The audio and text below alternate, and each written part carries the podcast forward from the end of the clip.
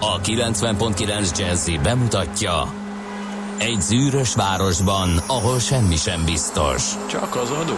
Mondom semmi.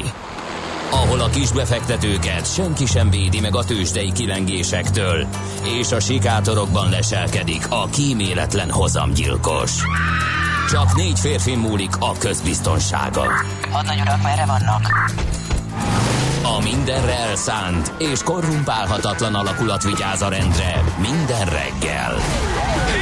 Ezek az állati nyomozók? Négy férfi egyeset és egy nyalóka. Ács Gábor, Gede Balázs, Kántor Endre és Mihálovics András. Az íróasztal mögül pedig Profit kapitány diktálja a tempót. Humor, emberi sorsok, közönséges bűnözők és pénz, pénz, pénz. Egy különleges ügyosztály. A Gazdasági Muppet Show minden hétköznap reggel a 90.9 Jazzin. De is figyelj, ne csak a bárányok hallgassanak. De miért? Ha nincs pénzed azért, ha megvan, akkor pedig azért. Millás reggeli. Szólunk és védünk. 6 óra 32 perc, a jó reggelt kívánunk. Indul a hét, indul a Millás reggel itt a 90.9 Jazzy Rádion. Szeretettel köszöntünk mindenkit ezen az október közepi hétfő reggelen.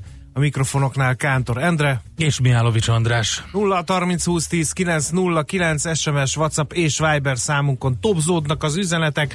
A szerelmes futár például első hétfő munka és sehol egy nyuszi, viszont a forgalom jó volt Cseperre, Gödöllőre fél hatkor, kötelességszerűen beolvastam. D. Kartárs is itt van, aki erősödő forgalom mellett közlekedett Gödről Pestre, az M2-esen, az M3-as bevezetőn, és 31 perc alatt ért Zuglóba, aztán eh, köszönjük Löpapának a fényképes beszámolóját arról, hogy kerékpározott, kamáslit nem vitt, ezért egy, ha jól látom, egy uh, bugyikék szemetes zsákot szikszalagozott a futó műveire, és úgy abszolválta a Mester Vágóhíd körút ülői klinikák közszolgálati szakaszt, csak így tovább.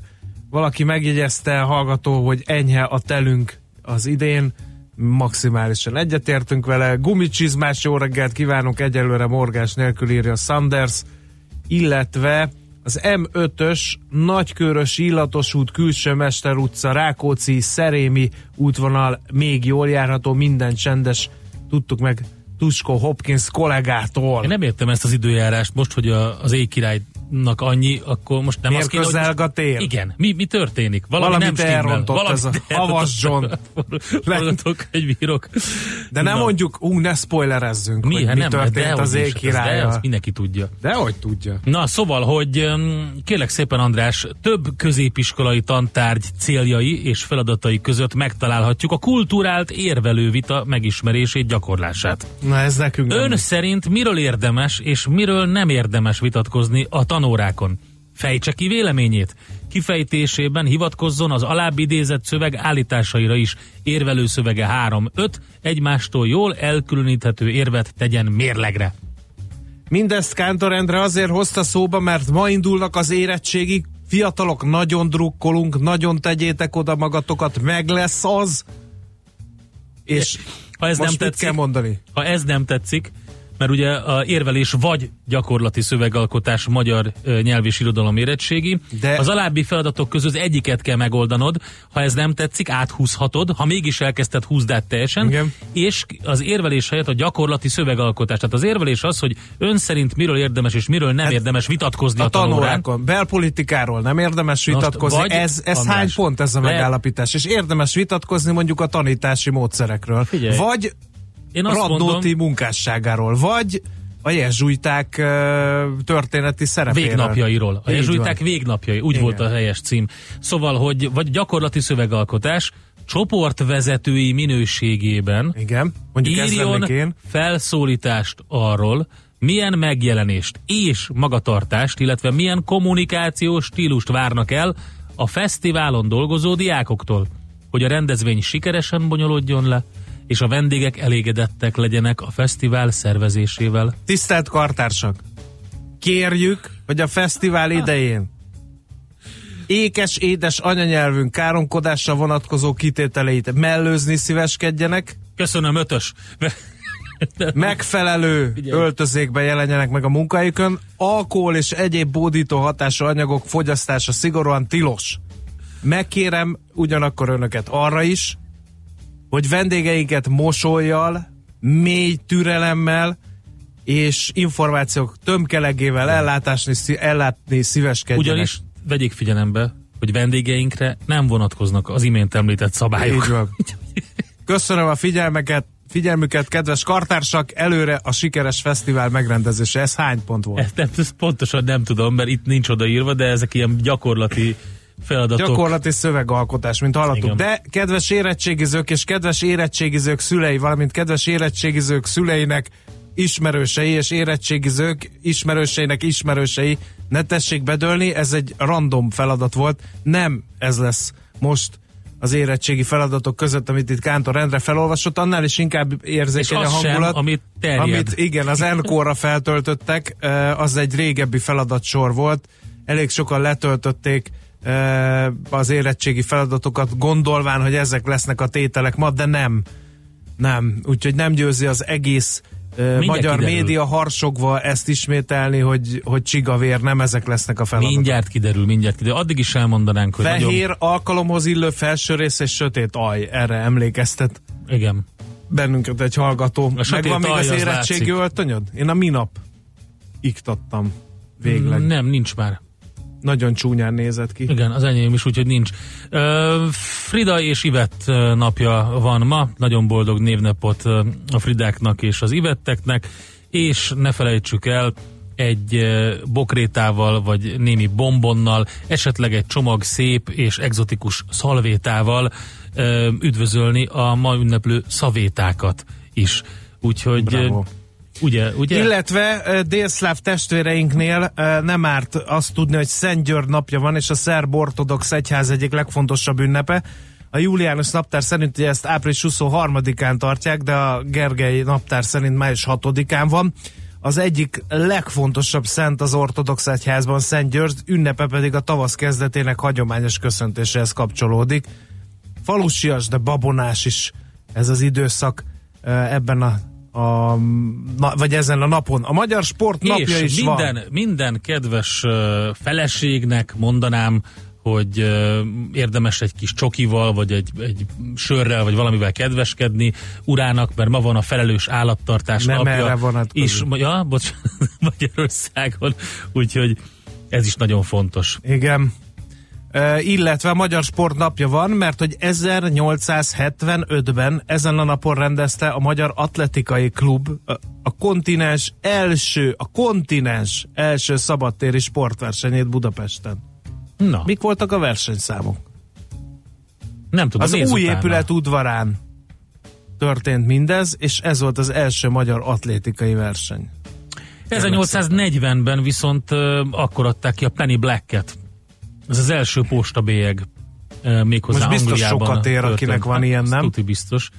Mindjárt megnézem, hogy mennyi, miközben Igen. közben, igen, igen, ez az történt, hogy ugye Nagy-Britannia és Észak-Írország Egyesült Királysága május 6-án ö, után használta ezt. Minden londoni postahivatal kapott a bélyekből, más posták a királyság területén nem, így azok egy ideig továbbra is elfogadtak készpénzt a postai költségek kifizetésére.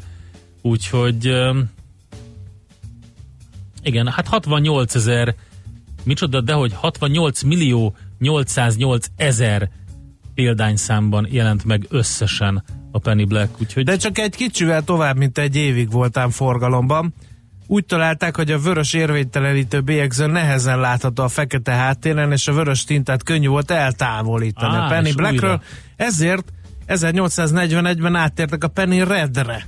A fekete tintás érvénytelenítő bélyegzőket ja, be, hogy bocsátottak ki, mert a... igen, igen, az érvénytelenítő. Igen, a bélyegek újrahasznosítása két bélyeg nem érvénytelenített részének felhasználásával folytatódott, és 1864-ben a felső sarok csillagjait az ellenőrző betűk váltották fel. Az alsó sarkokban voltak csak fordított sorrendben, ugyanezek a csillagok a későbbi angol bélyegeken is visszaköszönnek, ez volt tehát a Penny Black, az első postabélyeg rövid története, és hát ne lepődjünk meg, hogy pontosan egy pennyért lehetett ezeket megvásárolni az angol postákon. És Na. akkor még egy szomorú dátumról emlékezzünk meg, 1937. május 6-án esett meg a New Jersey melletti Lakehurstnél, hogy megpróbált leszállni a Hindenburg léghajó. Ja, igen. 72-en ültek a fedélzetén, és hát kigyulladt, és porrá égett szó szerint. Ugye van erről Bizony. ikonikus felvétel is, a Hindenburg katasztrófájáról a fotográfia történetének egyik mérföldköve, ahogy megörökítették a Hindenburgnak a katasztrófáját, majd kitesszük Facebook oldalunkra. Hát ez gyakorlatilag véget vetett a Zeppelin programnak és a hidrogén töltető léghajózásnak is egy időre. Na Mert nézzünk, azóta azt emeljünk hiszem, hogy ki van egy pár ilyen. születésnapos gyorsan, mielőtt zenélünk. Maximilien de Robespierre, francia ügyvéd forradalmár 1758-ban született, 1856-ban Sigmund Freud, osztrák orvos, pszichiáter, neurológus, Orson Welles ö, 1915-ben amerikai színész, A minap szóba jött ő az aranypolgár kapcsán. persze, a. Citizen Kane óriási volt a, a film, de hát a, a film noir egyik, a történetének egyik legnagyobb alkotása is ö, hozzá kötődik a harmadik férfi, vagy nem tudom, mi a magyar címe, a Third Man. Nek ö, Szipál Márton is ezen a napon született 1924-ben, ö, ugye művész nevén Martin S. Martin, Martin Szipál volt külföldön ismert magyar-amerikai fotóművész, sokáig lehetett látni ikonikus alakját Budapesten sétálgatva, ott lakott a belvárosban az Asztóriához közel, úgyhogy aki biztos sokan felismerték és látták. Tony Ugye Blair, vastag keretes szemüvege. igen, egy ilyen ikonikus spéci, volt, spéci igen. szemüvege volt. Tony Blair, Nagy-Britannia miniszterelnöke, ezen a napon született 1953-ban, ugye És miniszterelnöke, és. George. George. A nők bálványa. A remek színművész George Clooney is ma ünnepli születésnapját.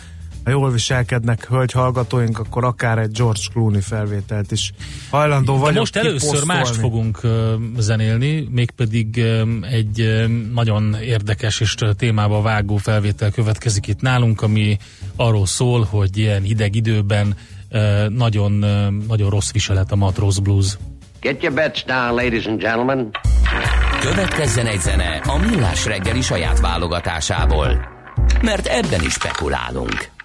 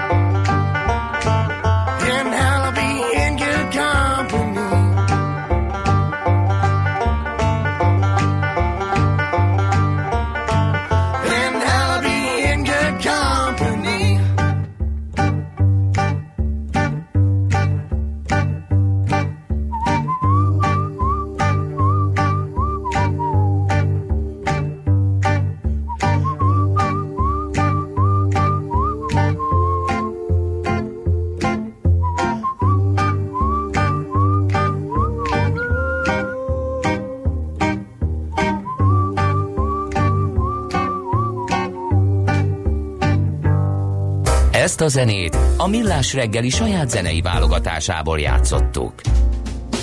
No, olvassuk át az újságokat az autóban zögykölődők helyett. Kérem szépen, eh, a népszava írja, hogy drágul a baromfiús. Ehhez én fogom hozzátenni azt, hogy eh, a sertéshús is fog, mert riasztó hírek jönnek Ú, uh, Kínából. A. Bloomberg írta, hogy a kínai sertésállománynak a nagy részét érinti ez az afrikai sertéspest is.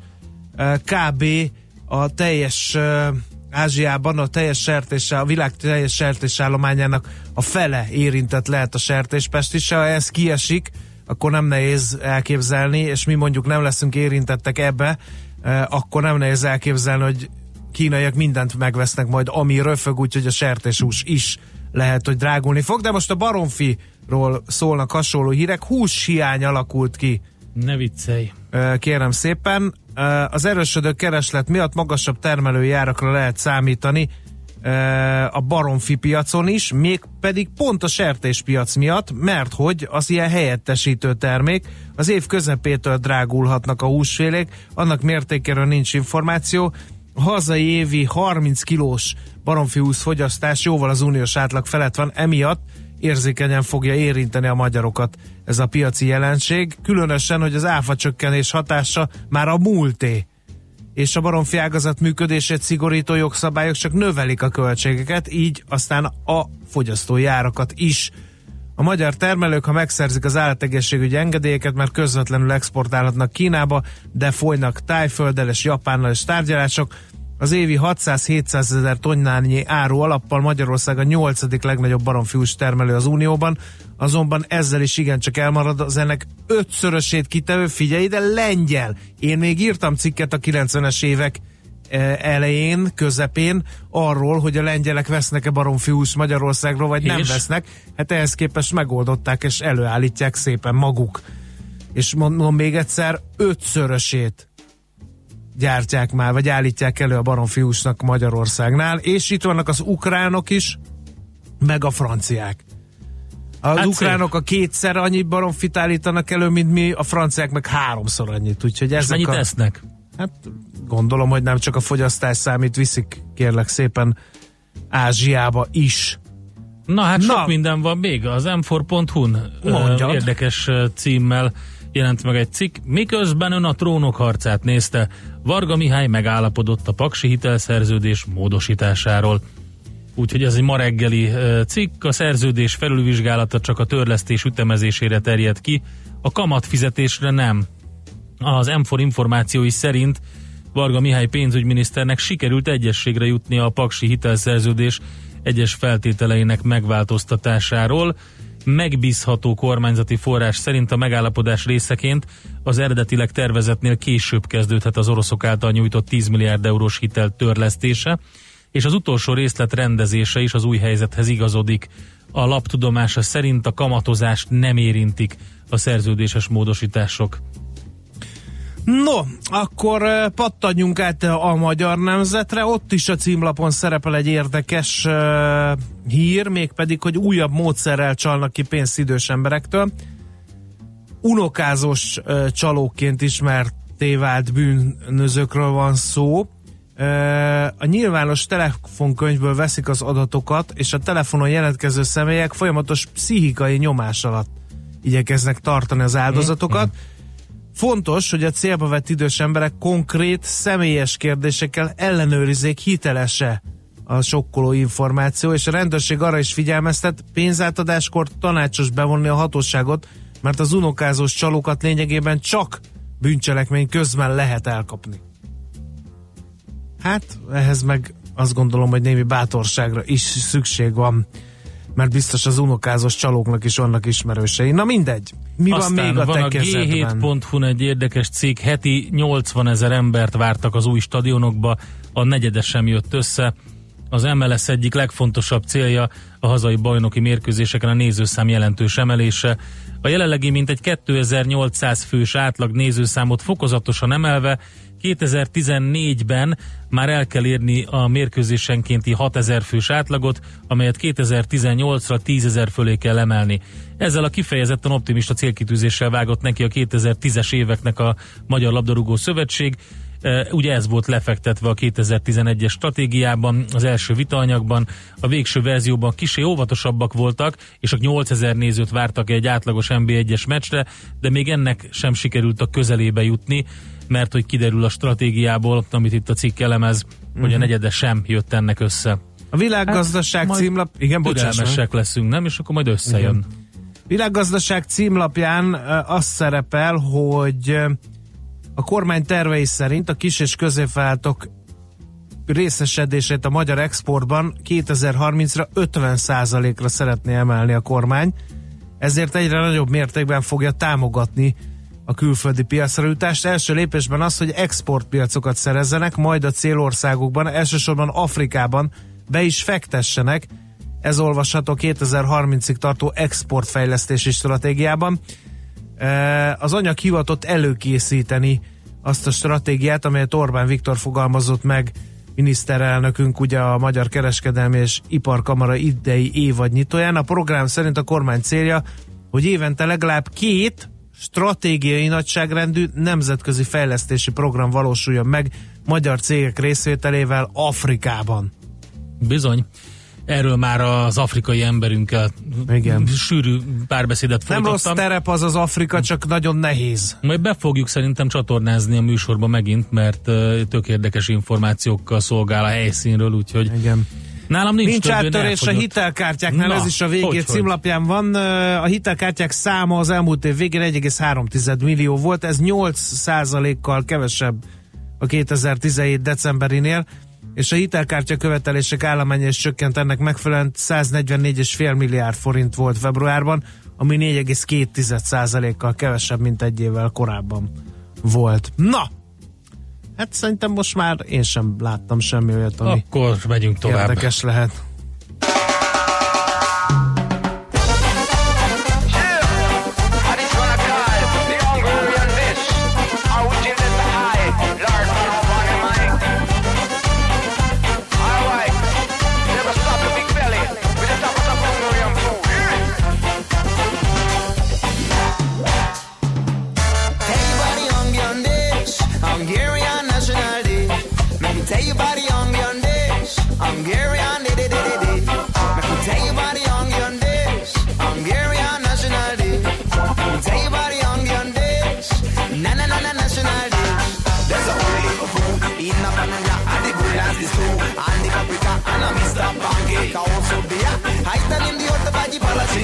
They make it this soup on the city fire and the bean soup. Look at style there's a of food in a Transylvania.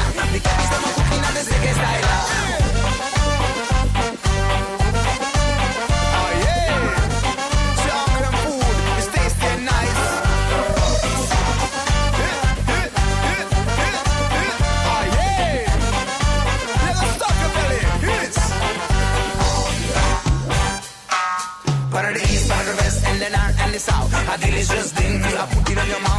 East of eye, and the down in the belly, them will give good food. Stop your big belly. Of the east, of the west, and north and the south. A delicious thing you are putting on your mouth. Part of the east ready for the onion dish. The number, number, number, number, number one it. My delicious thing the man them can wish. And hungry wise them I all go with it. There's a whole heap of food in a panonia. At the good as the stew and the paprika and a Mr. Pancake also there. I tell you the body palachinta. Ah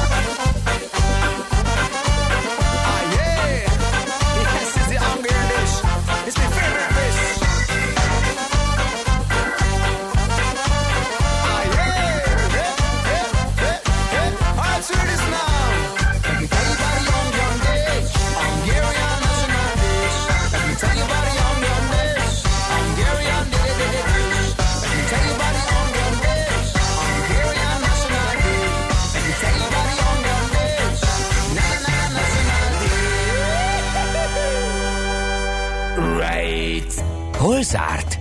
Hol nyit? Mi a sztori? Mit mutat a csárt? Piacok, árfolyamok, forgalom a világ vezető parketjein és Budapesten. Tősdei helyzetkép következik.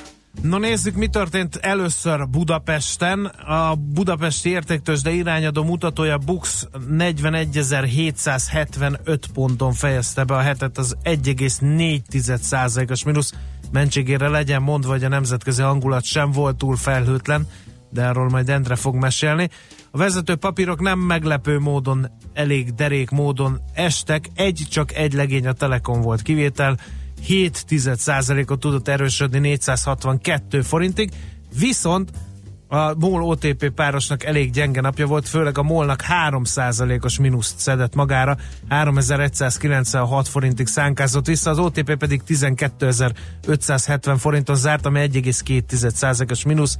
Ehhez képest a Richter 4 os esése megsüvegelendő teljesítménynek számít 5685 forintos záróára. Gyorsan radarozom a közepes és kisebb papírokat. Volt egy jó Waberers nap, 1540 forinton fejezte be a fuvarozó cég a pénteki kereskedés, az 3,4%-os plusz. Aztán nézzük, nézzük, éppen rossz napja volt a Panergy-nak, 3,9%-os mínusszal, fejezte be a kereskedést, esett egy nagyobbat az Opus 1,1%-ot, a BIF 2,6-ot, és hogy jó híreket is mondjak, a Graphisoft Park például 1,1%-ot tudott erősödni, és 1,7%-os plusszal fejezte be a napot a Rába is. A Forage, amely nagyokat ugrált az elmúlt időszakban, az csak fél százalékos pluszt tudott elkönyvelni pénteken. De mi volt a nemzetközi, a nemzetközi piacokon? piacokon? Gyorsan a mait mondanám, mert uh, biztos, hogy lesz hatása a távol-keleti tőzsdéknek a, a teljesítményének. Hát a Nikkejen ugye nem látszik uh, annyira, de a Shanghai Composite több mint 5%-os mínuszban és a Hang Seng is 3,3%-os mínuszban zárt. A Nikkei is negatív a zárásban viszont volt egy pár kiemelkedően jól teljesítő papír, így például a Fuji több mint 8%-os pluszban, vagy a Kawasaki 5%-os pluszban, vagy a Kyocera is majdnem 5%-os pluszban. Az európai piacoknál ugye viszonylag mérsékelt volt a jó hangulat. Pénteken 0,4%-os pluszban zárt a FUCI, 0,5%-ban a frankfurti DAX Index, és a vezető papírok közül például a TUIT lehetne kiemelni 4,1%-a, vagy a Rolls-Royce Holdings 3,8%-kal de jól teljesített az Aberdeen Asset Management is majdnem 3%-os plusszal. Amerikában pedig érdekes volt a hangulat, hiszen szép pozitívummal fejezte be a, hang, a napot a Nasdaq 1,6%-os plusszal, az Apple 1,3, a Citigroup 1% a GE 2,4% a Google 2% a Microsoft is 2% os pluszban zárt, és az S&P is így majdnem 1 os plusszal tudta befejezni a kereskedést, a Dow Jones pedig 3 os pluszban, úgyhogy nem volt az olyan rossz, mint ahogy te előrevetítetted, hát Európa az, aki nem szerepelt olyan jól, az amerikai tőzsdén a negatív oldalon, hát az Activision Blizzard játékgyártót lehet kiemelni 5%-os minusszal fejezték be a kereskedést. Egyébként éves szinten a Nasdaq 23% fölötti pluszban van, 17 százalék, 17,5 százalékos pluszban az S&P, úgyhogy így állnak az amerikai piacok. Tőzsdei helyzetkép hangzott el a Millás reggeliben. No, a hallgatóké a szó, még megjön László B. Katalin, hogy elmondja a híreket. George Clooney volt a híres kórház sorozatban a jó doki. Ott csak jó dokik voltak, nem? Nem, voltak jó, meg jobb dokik, és igen. igen. És akkor Clooney volt a jobb. Értem. Nem tudom sajnálni azt a nagyszülőt, aki nem ismeri fel az unokája hangját, írja Fel Gábor. Nagyszülőként ennél cizellátabb módon dolgoznak a unokázós csalók. Sajnos családilag érintett vagyok, úgyhogy tudok módszert is mondani. Nem, tehát ők azt mondják, hogy ők valakinek, az unokának az ismerősei, vagy egy járókelő, aki észlelte, hogy az unokával baj történt, és hogy tessék már küldeni pénzt, mert nagyon nagy a baj. Tehát, hogy ez nem próbálják feltétlenül kiadni magukat az unokának, hanem egyéb cizellát módszerekkel is operálnak. Tényleg tessék vigyázni, elég elterjedt csalásról van szó. Aztán, ha már Zeppelin, Bruce Dickinson, az Iron Maiden frontembere érdekelt valami ilyesmi cégben, több-kevesebb sikerrel írja Rédus. Nem tudom, én nem hallottam róla, de majd utána nézzünk. Aztán 380 a font, írja valaki jó reggelt kívánva. Ezt is meglepetésként érzékeltük, úgyhogy majd ennek is utána nézzünk. Ö, Strandkorlátkék írja lepapa a kamásliára, az alkalmi kamásliára. Ja, hogy az a, ja igen, Igen, nem bugyikék. Strandkorlát Azt mondja, hogy gyönyörű. Csepel Köszönjük. szigetről kijutni hétfő reggel, no comment, hajrá érettségizők, illetve e, még egy üzenet, nem szabad vitatkozni semmiről, inkább csak vitázzatok, írja vadász. Úgyhogy ezek jöttek 0 30 20 10 9 0 9-re bármiféle üzenetet várunk, és remélünk főleg a közlekedésről. Példának okáért, és most jön László B. Katti a hírekkel. A reggeli rohanásban könnyű szemtől szembe kerülni egy túl szépnek tűnő ajánlattal. Az eredmény krétával körberajzolt tetemes összeg. A tethelyen a gazdasági helyszínelők, a ravasz, az agy és két füles csésze és fejvállalakzat. A lehetetlen küldetés megfejteni a Fibonacci kódot. A jutalom egy bögre rossz kávé és egy olyan hozamgörbe, amilyet még Alonso Mosley sem látott. Millás reggeli, a 90.9 Jazzy Rádió gazdasági mapetsója. Vigyázat! Van rá engedélyünk! Támogatónk az Átradius Magyarország, a követelésbiztosítás szakértője, hogy az öncégét mindig kifizessék. Jó reggelt kívánunk, 7 óra 12 percen folytatjuk a Millás reggelit itt a 90.9 Jazzy Rádion. Attila például azt követelő, hogy időnként a Blue Chipek plusz mínusz 0,1%-os elmozdulása mellett beszélhetnétek az egyéb papírokról is, Waberers, Wallis, stb. stb. Érdekelne a véleményetek a felbeszélt vagy éppen lezúzott papírokról. Nem vagyunk könnyű helyzetben, mert hogy jelentőkeny részét ezeknek a részvényeknek nem elemzik mértéktartó módon, onnantól pedig hát nincs kivel beszélni róluk egyrészt, Egyébként- másrészt pedig merős spekuláció lenne bármit mondani, ugye ilyen piaci plegykákat azért mindezek ellenére meg De szoktunk osztani, valamint hát ugye a tőzsdenyításban Így van. 9 óra 30 vagy 9 óra 20 magasságában azért, ha valami rendkívüli történik, Meg hát az beszélünk. összefoglalóban azért azt foglaljuk általában össze, ami a legfontosabb volt, volumen tekintetében is, de, de egyébként abszolút meg szoktuk említeni, úgyhogy köszönjük szépen, fogunk erre figyelni. Közlekedési hírek, az M6-os bevezetőn van egy kisebb baleset, ez nem okoz torlódást, de a 6-os bevezető a Pesgőgyártól lépésben halad, írja Kiskalács, ostorozvá a hírszolgáltatásunkat. Az annyira gáz az m 0 hogy minden navi a belvároson átvisz Török Bálintra Cseperről, írja név szerint Galván Tivadar. Budapest, Budapest, te csodás! Hírek, információk, érdekességek, események Budapestről és környékéről.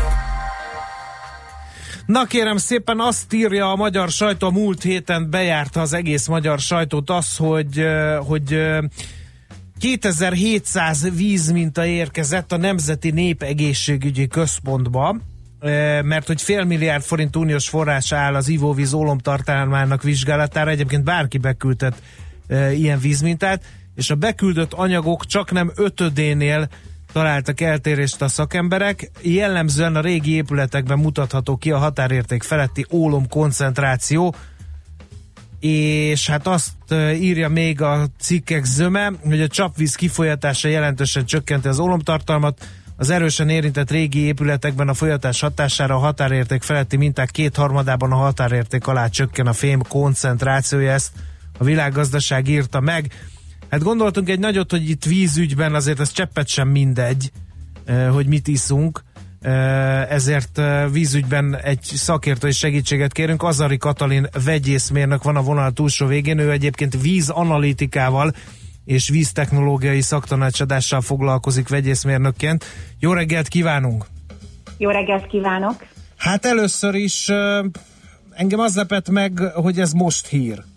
Mert hogy mondják, hogy a 45, eh, 1945 előtt épült épületekben van a legtöbb helyütt baj a vezetékes ivővízzel. Hát 45 óta mi történt ott? Kérdezzem én. Hát- Lehet, hogy költői a kérdés. Nem költői a kérdés, és nem leszek népszerű a médiamunkások ö, körében. Megmondom őszintén, a szakemberek többsége erről évek óta tud. 2015-ben is jelent meg ezzel kapcsolatban összefoglaló eredményközlőtik például az életéstudományban, szakirodalmak zöme foglalkozik ezzel a kérdéskörrel. Én úgy gondolom, hogy sokkal könnyebb volt azt kommunikálni, hogy nagyon jó a csapvíz Magyarországon, és például flakonos vizek helyett igyunk ö, csapvizet. Egész egyszerűen valahogy ez a, az üzenet nem érte el az emberek zömét. Hát volt némi Tehát- botrány ebből, mert hogy azt hiszem, hogy az amerikai nagykövetség, vagy valaki figyelmeztette a turistákat, hogy óvatosan a, a budapesti csapvízzel, erről mi is beszámoltunk, és akkor beszéltünk is szakértőkkel, akik azt mondták, hogy nincsen semmi baj, Magyarországon világszinten is az egyik legjobbnak minősíthető a csapvíz, mondjuk Budapesten is. Um, akkor itt most mi okozza a két vélemény közötti eltérést? A két vélemény közötti eltérést igazából az okozza, hogy akkor, amikor a szakemberek beszélnek a vízminőségről, a statisztikai adatokról, akkor a vízmű szintű vízminőségről beszélnek. Tehát arról a vízről, amit a vízmű ö, bebocsát a csővezetékekbe. Uh-huh. Ez jelenik meg a statisztikákban. Ez teljesen természetes, ez ö, bizonyos rendeleteknek meg kell felelni a, a víznek ahhoz, hogy egyáltalán a csővezetékbe bekerüljön, és ezek alapján, a statisztikák alapján valóban a víz megfelelőség 99-100%-os. Uh-huh. A kritikám az abban az irányba van, hogy ö, nem biztos, hogy mindig elolvassák értően a különböző tanulmányokat azok, akik interpretálják, tehát közlik ezeket a dolgokat. Uh-huh. Két héttel ezelőtt csütörtökön megjelent az összes sajtóban az, hogy milyen kiváló a vízminőség.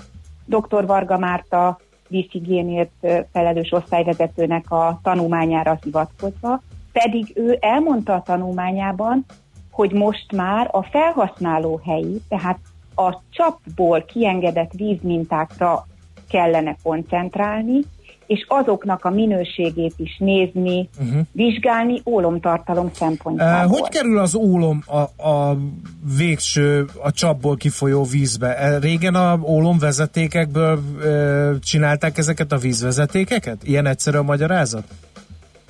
Ilyen egyszerű is. Uh-huh. Tehát egyrésztről a régi városmagokban még akár bekötő vezetékek is lehetnek ólomból. Az, hogy a belvárosban, vagy például Bekerlén ö, a lakásokon belül, épületeken belül vannak ólomcsövek, ez teljesen egyértelmű, köztudott, elég, hogyha valaki lemegy a pincébe és megnézi, könnyen felismerhető. Tehát ezekben a lakásokban egészen biztosan problémát jelenthet. Azért mondom, hogy jelenthet, mert az ólom kioldódását akár ezekből az ólomcsövekből is nagyon sok minden befolyásolhatja, és szerencsére van olyan dolog, ami akadályozza. Uh-huh. Ilyen például a vízkő. A vízkő, te, ja, hogyha bevonja a vízkő, akkor ugye nem tud kioldódni az ólom. Így van. Mi lenne a megoldás? Mert azért bevallom őszintén, hogyha így azt mondanák, hogy na és akkor most szét kell verni az egész lakást, mert az összes ólom ö, vezetéket ki kéne cserélni valami korszerűbbre, nem biztos, hogy annyira boldog lennék, és még nem is biztos, hogy megoldódna a probléma, mert hogyha mondjuk az egész háznak a rendszerét kitisztít, vagy kicserélik, és akkor még ahogy ön fogalmazott, egy bevezetőcső marad az utcán, az nem biztos, hogy megoldja a problémát. Sőt, tökéletesen felkészült a témából, úgy látom. Vannak olyan mérési tapasztalatok, például Vekerlén, ahol egy teljes lakóháznak kicserélték a csővezetékrendszerét, természetesen nem ólomcsövekre, uh-huh. és a rekonstrukciót követően, illetve a felújítást követően még rosszabb lett a vizek ólomtartalma, nagy valószínűséggel a bekötő vezetékből ö, nagyobb ólomtartalom oldódott be. Ennek is van kémiai magyarázata, inkább ebben nem megyek bele a megoldást, De illetve örülhettek ezek a lakók. Igen, Szegények. sok sem. És akkor nem lehet meg, nagyon sok helyen lehet látni ezeket a különböző víztisztító berendezéseket, Igen. amik rá vannak szerelve a vezetékre. Előbb, előbb lépjünk vissza egy kicsit, Jó. mert ugye az van ebben a cikkben, hogy ha folyatjuk egy percig a csapvizet, akkor lecsökken a ivóvíznek az ólomtartalma. Ilyen Erre egyszerű szoktam én- lenne?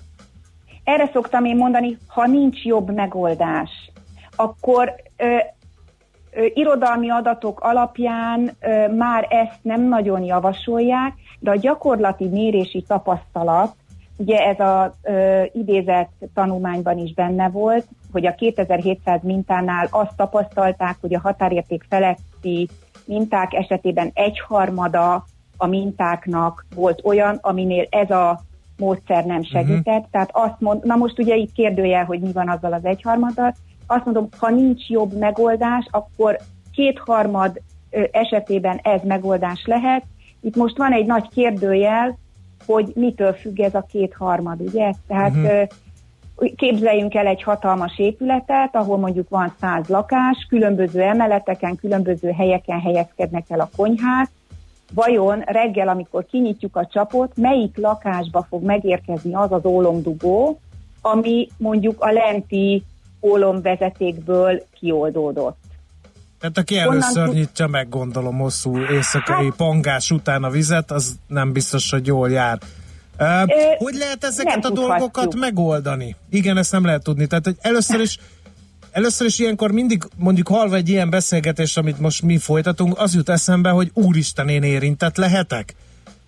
Egy, egy egyszerű háziasszony honnan tudhatja meg, hogy milyen a csapvíz minőség az ő lakásában? Egy egyszerű háziasszony jelenleg hál' Istennek a Nemzeti Népegészségügyi Központ ingyenes vizsgálatának keretében bevizsgáltathatja egyrésztről a csapvizét, másrésztről pedig azt tudom mondani, hogy vannak azért olyan megoldások, amik százszázalékosak, uh-huh.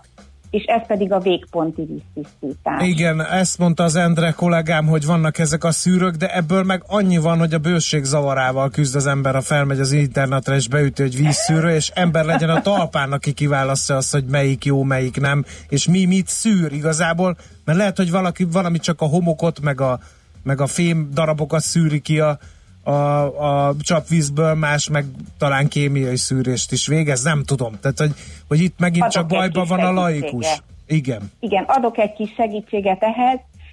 Teljesen jogos a kérdésfelvetés, rengeteg vízszűrő van a piacon. Egy dolog elgondolkodtató, maga a probléma felvetés is azért évekig valahogy a szőnyeg alá volt söpörve, tehát sajnos azt tudom mondani, hogy a magyar víztisztítót forgalmazók többsége egyáltalán nem készült fel erre a problematikára. Tehát azok a szűrők, amik általánosságban kaphatók víztisztítók itt a magyar piacon, nincsenek felkészülve az ólom biztonságos eltávolítására.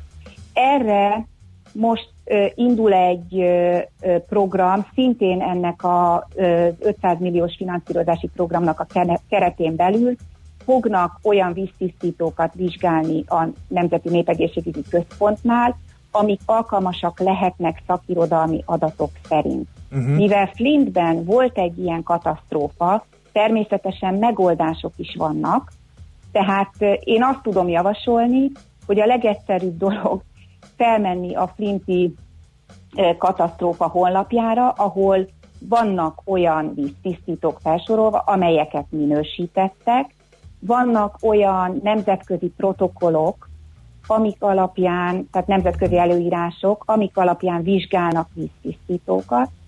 Többek között mi is erről a listáról választottuk ki azt a víztisztítót, amit két éve használunk saját részre, Uh-huh.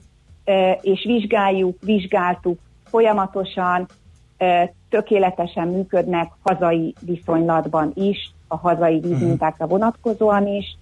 Mi ezt a berendezést egyébként célzottan ólom eltávolításra engedélyeztettük is. Mhm. Tehát van azért a magyar piacon elérhető termék, de ügyesnek kell lenni ahhoz, hogy az ember ezt megtalálja, mert pillanatnyilag még nincsen kereshető adatbázis. Hát akkor a legsürgetőbb ez lenne, hogy, hogy egy ilyen adatbázist létrehozzanak a hatóságok, hogy milyen víztisztító berendezések azok, Ez amiket lehet használni. van. Folyamatban van, ez a jó hír. Legvégére csak egy nagyon rövid kérdés, hogyha valakit most uh, megijesztettünk ezzel, otthon uh, egyszerű módszerekkel be tudja mérni azt, hogy, hogy baj van a vízzel? Nem, nem, ezt semmiképpen sem. Hát, semmiképpen sem. És én csodálatos. azt gondolom, hogy, hogy itt a végponti megoldás, tehát nem a felelősök keresgetése a, a igazi út, hanem az, hogy az emberek próbáljanak meg otthon felelősen viszonyulni ehhez a dologhoz. Tehát vagy kiengedni a csapvizet, ide azért egy nagy kérdőjelet teszek, de ha nincs jobb, feltétlenül hideg vizet használjanak, és végponti víztisztítókkal kapcsolatban pedig én azt tudom mondani, hogy az NSF ANSI 53-as ólom vizsgálatra való protokollja szerinti víztisztító megfelelő erre a célra. Mhm. Biztosan fognak találni a magyar piacon is, mert vannak azért olyan termékek is, ez ö, hozzátartozik a korrektséghez, amik tudják az ólom eltávolítást is, sokkal többet tudnak, mint amennyi mondjuk indokolt a, a, a magyar magyarnál. piacra, mhm. magyar vízre. Nyilván ez az árukban is Igen. érvénybe De jut. egyébként erre kell koncentrálni az ólomra, mert ilyenkor majd biztos megkapjuk Igen. a dolgokat, hogy mi van a hormontartalommal, meg ezer más dologgal, ami miatt az emberek általában azt mondják, hogy inkább veszek ásványvizet, mint csapvizet iszok. Szóval, hogy ezeket is szűrik, tehát van egy ilyen, vannak olyan berendezések, amik tényleg nagyon jók, és a kockázati tényezőket drasztikusan csökkentik? Ez így van, így van.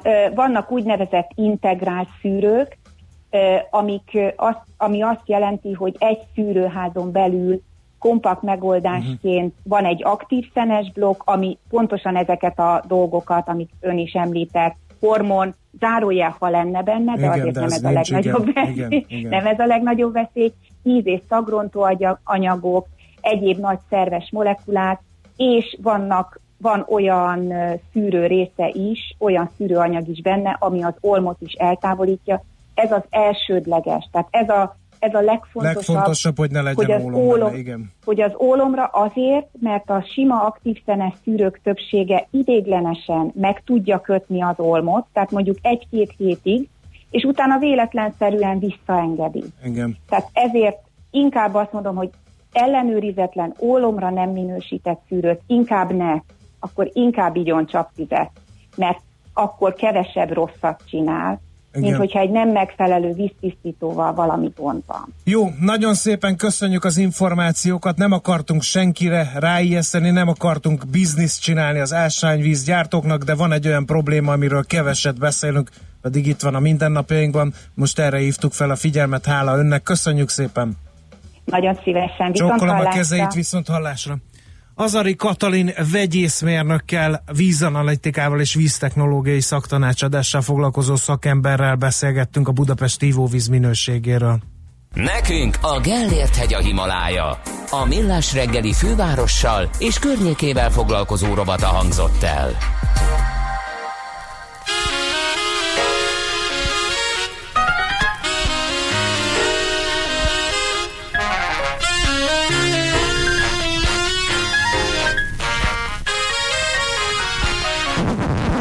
Nekem a Balaton,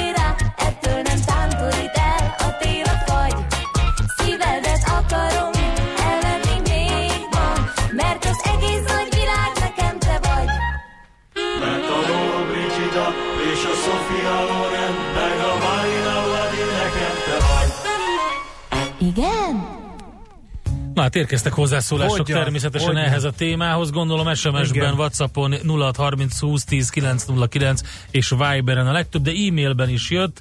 Gábor írja, meg kellene fizetni a hálózat fenntartását és megújítását. A háztartási jövedelem kb. 3%-át se költjük átlagosan a vízközmű szolgáltatásra, akkor a 6%-ot. Kérdezi ő, hogy akkor Ez Ez miket kell építeni, stadionokat? Kérdezi Nem ő, akarok hogy hogy kell, mit kell de akkor ígyunk sört. Ez azt jelenti, csap vissza helyett?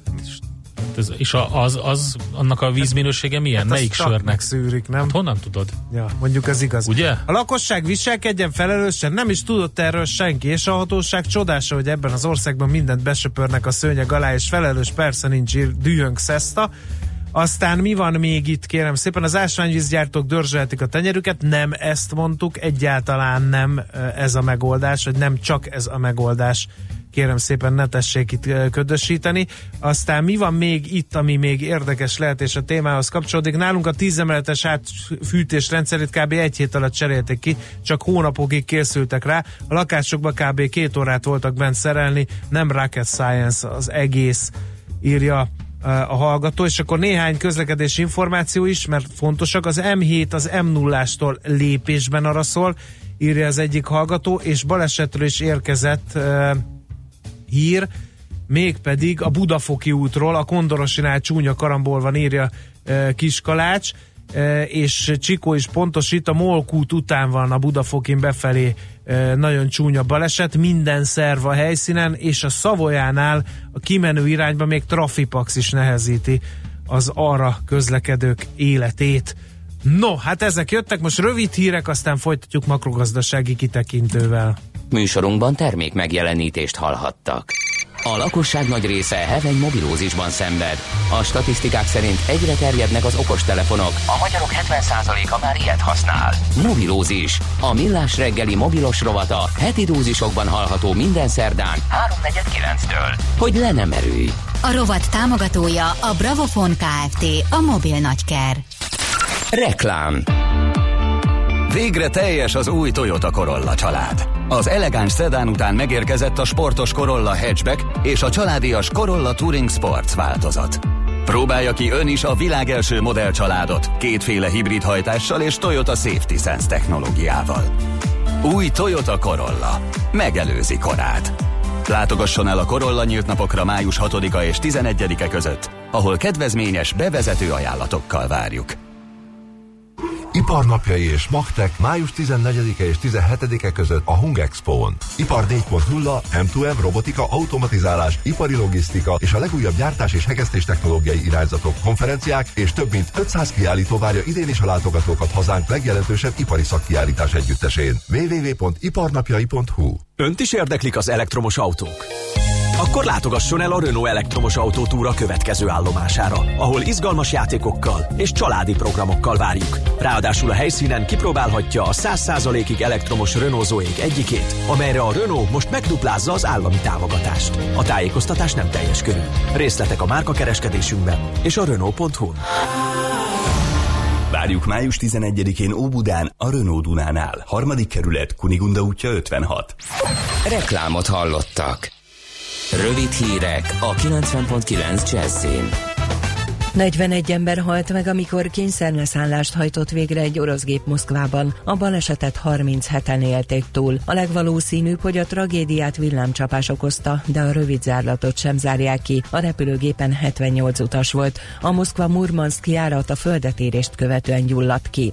Ma kezdődnek az érettségik, a diákoknak először a magyar nyelv és irodalom feladataival kell megbirkózniuk. Hogy pontosan mi várható a feladatlapon természetesen nem ismert, ám egy magyar torrentező így is megpróbálta megvezetni az érintetteket. Az Index szúrta ki, hogy egy magyar érettségi 2019 című PDF fájl jelent meg az egyik legnagyobb magyar fájlcserélő oldalon, de az a 2007-es októberi pót és javító vizsga feladatsor. A feltöltő csupán átírta a dokumentum dátumait, majd az így keletkezett fájt feltöltötte az oldalra. Húshiány alakult ki Kínában a sertéspestis járvány miatt, emiatt pedig még Magyarországon is nőhetnek az árak, sőt a baromfi is drágulhat, írja a népszava. A hiányzó mennyiséget ugyanis külföldről szerezné be Kína, az erősödő kereslet pedig magasabb termelői árakat jelent, és nem csak a sertés árát emeli meg, hanem más húsokét is. Éder Tamás, a Nemzeti Agrárgazdasági Kamara alelnöke szerint a nyár közepétől érénkülhet a baromfi hús iránti kereslet. A Magyar Orvosi Kamara elnöke szerint a balesetiben történtek bármely más egészségügyi intézményben bármikor bekövetkezhetnek. A Péterfi Kórház 84 orvosa döntött úgy, hogy nem vállalja tovább a heti 12 órás önkéntes túlmunkát. A döntés mögött állítólag az áll, hogy a kórház altató orvosai magasabb bérért dolgoznak, mint a baleseti sebészek. Éger István szerint haladéktalanul és jelentősen emelni kell az orvosok fizetését, hogy elkerülhetőek legyenek a problémák.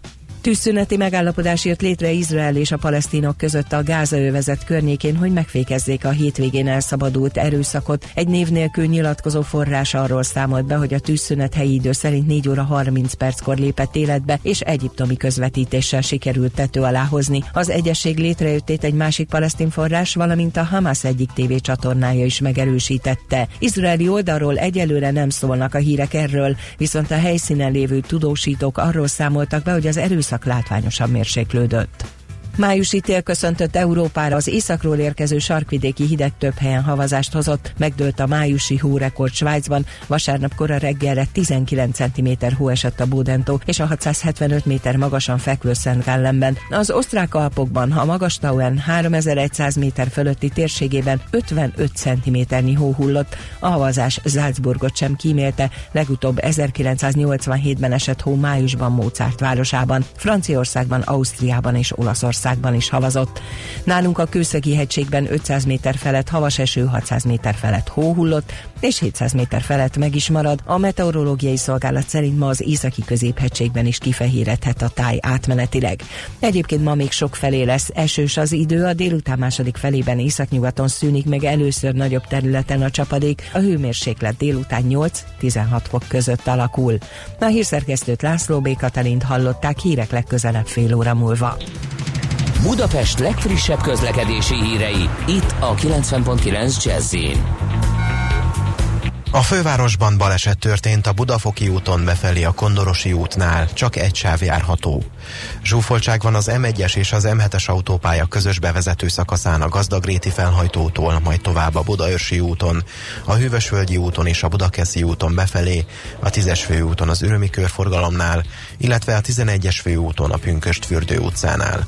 Lassú a haladás az M3-as bevezető szakaszán az m 0 és a Szent Mihályi út között, a Pesti úton a Keresztúri útnál, az M5-ös bevezető szakaszán az autópiactól, a Haraszti úton a Grassalkovics út előtt, valamint a második Rákóczi-Ferenc úton az m 0 Arra szól a kocsisor a Budai alsó rakparton, a Margit híd és a Petőfi híd közelében, a Pesti alsó rakparton a Lánchídnál, a Váci úton a Megyeri útnál befelé, az Egresi úton, a Magyaródi úton és a Kerepesi úton a Hungária körútnál, továbbá a Rákóczi úton a Barostértől. Nemesszegi Dániel, BKK Info. A hírek után már is folytatódik a millás reggeli. Itt a 90.9 jazz Következő műsorunkban termék megjelenítést hallhatnak. No kérem, örömmel értesültünk arról, hogy Jakartában a Sukarno Hatta Reptér Terminál 1-től a Central Parking 40 perc alatt lehet eljutni átlagos forgalomban némi dugóval nehezítve, de 32 fokban írja Joe bácsi, hát nem biztos, hogy nagyon népszerű lett ezzel a bejegyzésével, valaki pedig rám dörrent, hogy Trafipax nehezíti a közlekedést, ezt komolyan gondolta gazdabácsi. Lehet, hogy rossz szót használtam, és a bonyolítja a közlekedés helyett a nehezítit olloztam ide, az élő műsor varázsa. Mi várható a héten? Milyen adatok, információk, döntések hathatnak a forint értékére, a tőzsdei hangulatra? Heti kitekintő. A millás reggeli szakértői előrejelzése a héten várható fontos eseményekről a piacok tükrében. A vonalban itt van velünk Tardos Gergely, az OTP Bank elemzési központjának a vezetője. Szervusz, jó reggelt kívánunk! Jó reggelt kívánok! Na, mik bonyolítják a kereskedést és a gazdasági szféra életét ezen a héten? Hát én azt gondolom, hogy az inflációs adatokra érdemes figyelni. Lehet, hogy, hogy, hogy így ott sem ártan egy trafipax, mert az a helyzet, hogy a, a, ugye a héten megjelenő hazai inflációs adat, ami ugye áprilisra vonatkozik, az az a helyzet, hogy a mi várakozásaink szerint elérheti a 4%-ot, Hoppá. ami ugye a, a jegybanki inflációs hát célsávnak a felső értéke. A piac ennél egy kicsit alacsonyabbat, tehát hogy a ma reggeli ö, adatok szerint 3,9-et vár, és ugye 3 hét volt az előző adat. Azt gondoljuk, hogy a gyorsulást elsősorban az üzemanyag, illetve valamennyire a jövedéki adós termékek okozhatták, és hogy egyébként a jegybank által nagyon mereven sasolt adószűrt maginflációs adat az maradhatott 3,5 de azért, azért az a helyzet, hogy, hogy ez nem jelenti azt hogy, azt, hogy nyugodtak lehetünk. Ugye egyrészt nem csak arról van szó, hogy, hogy azért a, az infláció elérte ezt a négyet, de az a helyzet, hogy, hogy sok olyan dolog történt az elmúlt egy hónapban, amelyeknek alapvetően, tehát, a mind, tehát így a, a, az inflációt meghatározó folyamatok lényegében mindegyike azért a magasabb infláció irányába mutat. Ugye a külső konjunktúra, tehát az eurozóna növekedés, az amerikai növekedés az jobb lett, mint a várt. Nagyon fontos az, hogy, hogy igazából viszonylag magas azon jár, ugye gyenge az euró, tehát a dollárral szemben. És hát ha a hazai folyamatokat nézzük, akkor ugye azt látjuk, hogy elképesztően bika lehetett az első negyedév, tehát valószínűleg a növekedés az nem, nem hogy nem lassult, hanem inkább gyorsulhatott az előző negyedévi, amúgy is nagyon erős ilyen 5% körüli mértékről. Ugye látjuk azt, hogy erős a munkaerőpiac, gyorsulnak a bérek, gyorsul a belső kereslet, és hát bár a, a, a, az inflációs modellek azt mondják, hogy ez a mostani 4% körüli mérték, ez lehet a, a csúcs, de az a helyzet, hogy, hogy azért a, ez a nagyon erős kereslet, ez a jól megfűtött gazdaság, ez eredményezheti azt, hogy az inflációs várakozások azok oldódnak, és hát emiatt összességében mi arra számítunk, hogy, hogy a, a, a jegybank az júniusban egy, egy újabb kismértékű szigorítást fog életbe léptetni.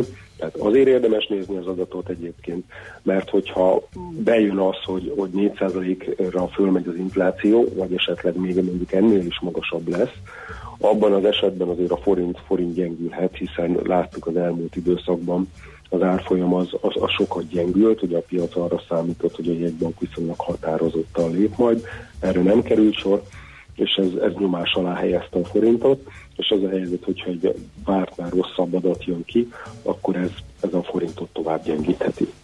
Hát akkor mindenképpen érdemes figyelni, ugye ez a 3,7 is már egy olyan szám volt, amiről ami meglepetést is okozott, illetve hát magasnak mondták, úgyhogy ez a még a 3,9 is, ugye ami kicsit kisebb, mint amit ti mondtok, még az is egy, egy riasztóan magasnak tűnő szám. Hát igen, egyrészt a, ugye az elmúlt hónapokat folyamatos negatív meglepetések jellemezték, és hát nem csak a piaci várakozásoknál, hanem ugye a, a jegybanki pályánál is magasabb lett az infláció. Azt azért fontos még leszögezni, hogy, hogy ugye ez az emelkedés az viszonylag széles bázisú, uh-huh. tehát egyrészt van mögötte uh, a, egy olyan folyamat, hogy az underlying infláció az, az, az emelkedett, de mondjuk ezt a folyamatot lehetett előre látni, tehát azt lehet mondani, hogy mondjuk maga így az alapinflációs mutatók azok nem nőttek jobban, mint mondjuk a saját prognózisunk. Ugye az a kérdés, hogy előre tekintve az általunk is várt mérséklődés az, az bekövetkezik el, ehhez mondjuk szükség lenne egy pár dologra, arra, hogy, arra, hogy azért a bérdinamika mérséklődjön.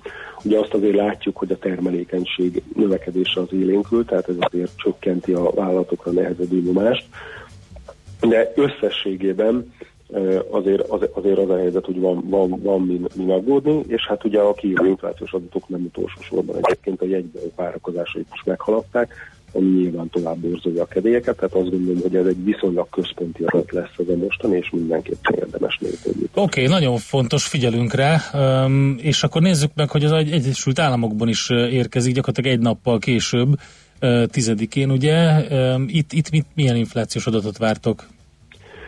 Ugye alapvetően, hát ugye az USA-ra mi nem készítünk saját előrejelzést, hanem elfogadjuk azt, amit az ebből élő számtalan külföldi kolléga konszenzusa mond, és igazából azt lehet mondani, hogy, hogy ugye a várakozások szerint 2,1 lehet a maginfláció is, meg a teljes infláció is, ami a teljes infláció szintjén két tized százalék pontos, a maginfláció esetén egy tized százalék pontos emelkedést eredményez az előző hónapokhoz képest.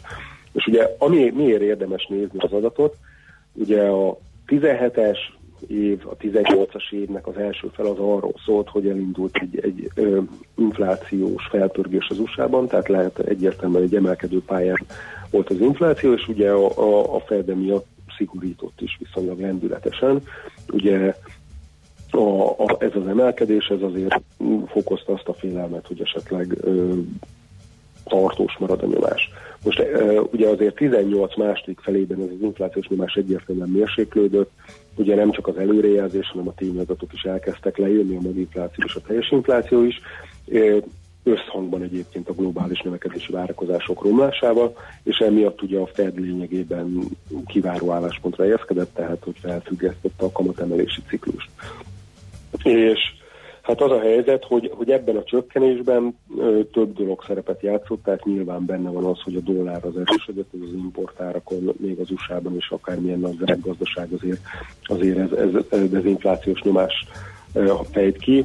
Ugye a, a ruhárak is csökkentek, de ami a legfontosabb, hogy lényegében a fogyasztói kosár jelentős részét kitevő szolgáltatás árak is egyre lassabban nőttek, ami, amiben komoly szerepe van annak, hogy az amerikai gazdaságban is azért beindult a termelékenység bővülése.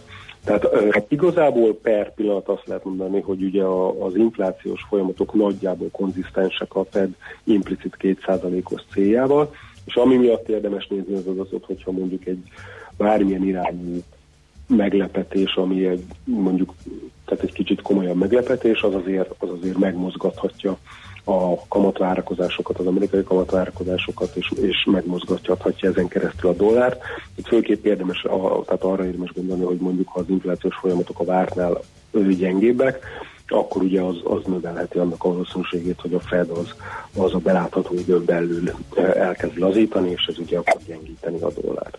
Jó, figyelünk akkor, Gergő, köszönjük szépen az információkat, két inflációs adat, mind a kettő egyaránt fontos, nekünk nyilván a hazai fontosabb, de ez kiderül a héten, nektek jó munkát, és akkor meglátjuk, hogy hogy jön be a várakozás.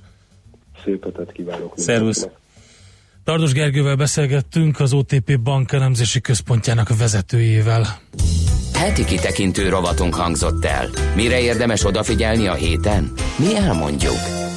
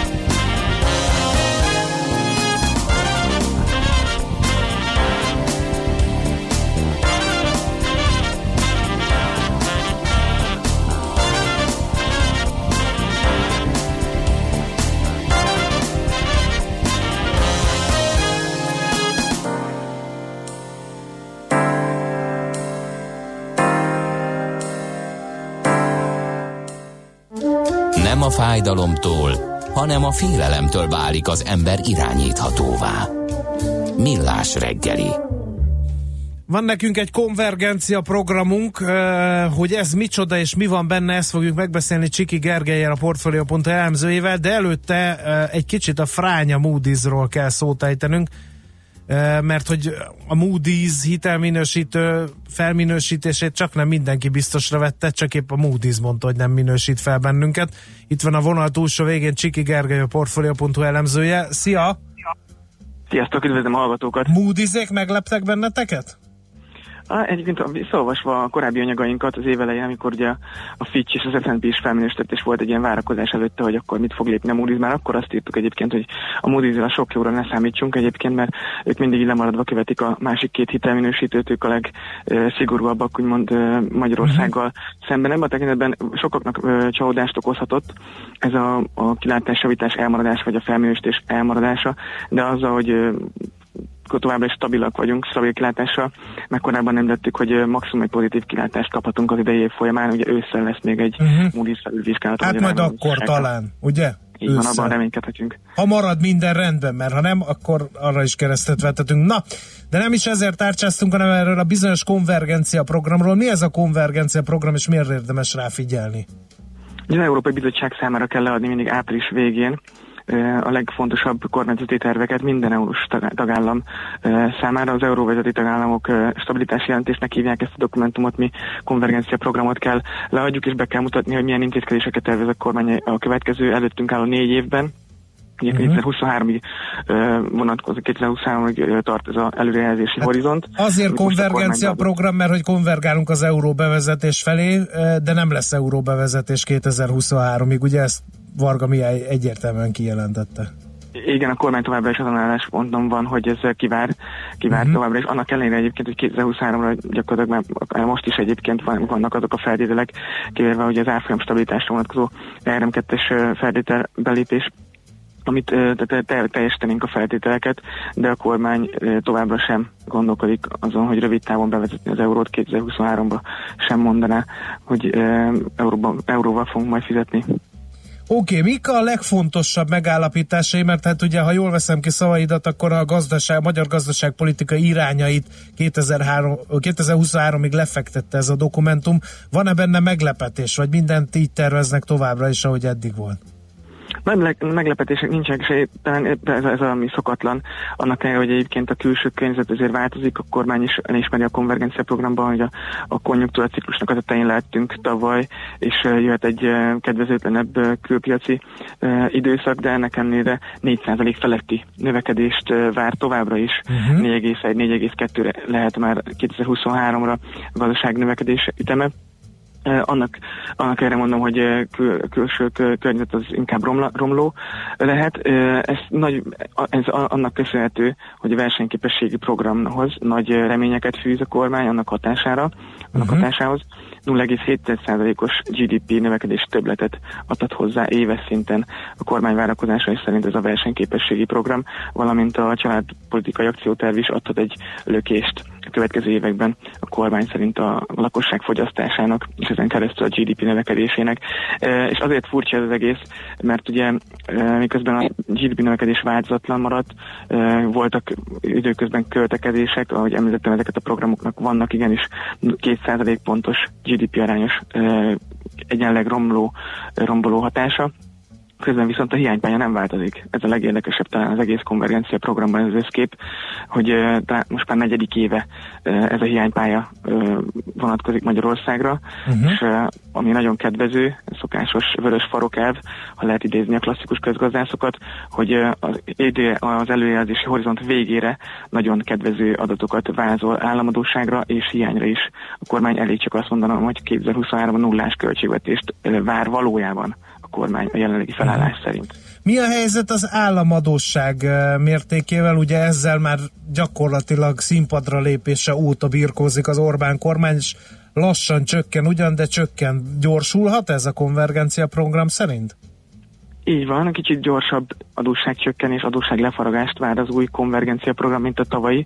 Érdemes egyébként összevetni mindig a, az előző konvergencia programban szereplő számokkal a friss számokat, és 2023-ra elérhetjük az 55,9%-os szintet, az idei év végére emlékeim szerint igen 70% alá kerülhetünk, 60% alatti szintet pedig elérhetjük 2022-re, ugye ami az uniós uh, feltételrendszernek a egyik alapköve. Uh-huh. Oktatás, egészségügy hozzányúlnak a nagy elosztó rendszerek bármelyikéhez?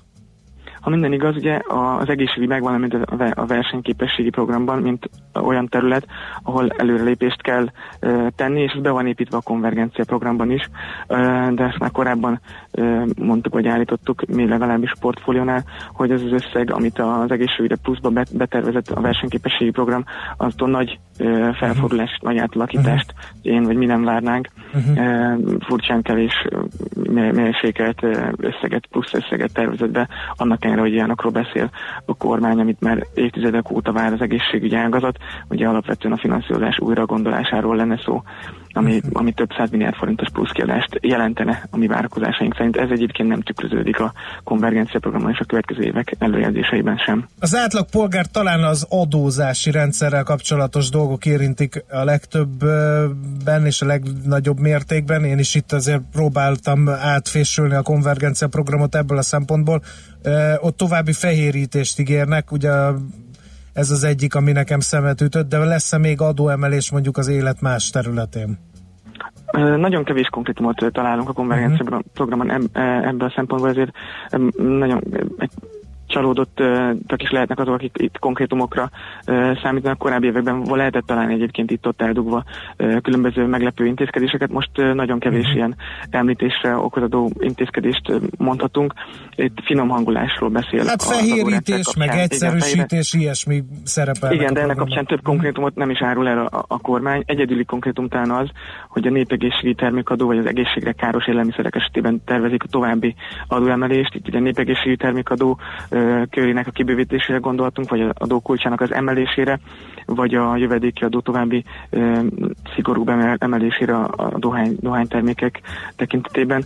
És a gazdaságfejlesztési programok, a további gazdaságfejlesztési programok címen van egy ilyen bullet point a a konvergencia programban, de egyébként azon kívül, hogy a pontszárgőpek és online számlázás kibővítését említi, valamint az elszámlázás térnyelésének előmozdítását, az, hogy ez hogyan valósítaná meg a kormányára konkrétumokat nem találunk. Mhm. Bízunk benne, hogy az idei öm, őszi, vagy tavasszal lesz, ugye adócsomag és ősszel is várható, ö, abban részleteket találunk majd erre vonatkozóan is. Jó, nagyon szépen köszönjük az összefoglalót, és akkor jó munkát nektek a hétre. Köszönöm, sziasztok! Szervusz! Csiki Gergelyel, a Portfolio.hu elemzőjével vettük gorcső alá a magyar gaz- gazdaságpolitikát 2023-ig meghatározó konvergencia programon. És uh, hamarosan folytatjuk, mégpedig uh, Gibraltárral adóvilágrovatunkban. Uh, ez a következő állomás, úgyhogy először um, gazdaságilag, történelmileg, adózásilag nézzük át a területet, utána pedig majd megnézzük azt, hogy politikailag hogy áll Gibraltár, úgyhogy a szokásos szakértőink lesznek velünk. Jöttek azért észrevételek az elhangzottak kapcsán, az euró bevezetése nem egy furi gumicsont, hiszen az Unió Black Goat miért vezetne be egy hanyatló nyugati pénzt az ország, ha van erős forint? Hát nem mondanám erősnek a forintot a mostani árfolyamra ránézve. Napi morgás, könnyebb lenne az útinformációknál elmondani, mely utakon lehet közlekedni, mint hogy melyeken nem. Annyi dugó van, írja Mike, illetve akkor fogok figyelni a Moody's-ra, ha lesz olyan minősítésük, ami fél éves távon helyesnek bizonyul, addig azt mondanak, amit akarnak. Egyebek mellett Magyarországról is írja a, a hallgató. Köszönjük szépen az információkat, hozzászólásokat 0630 20 10 909. Itt lehet minket elérni Viberen, Whatsappon és SMS-ben. László Békati jön a legfrissebb hírekkel, információkkal. Utána adóvilág rovatunkban Gibraltárra utazunk.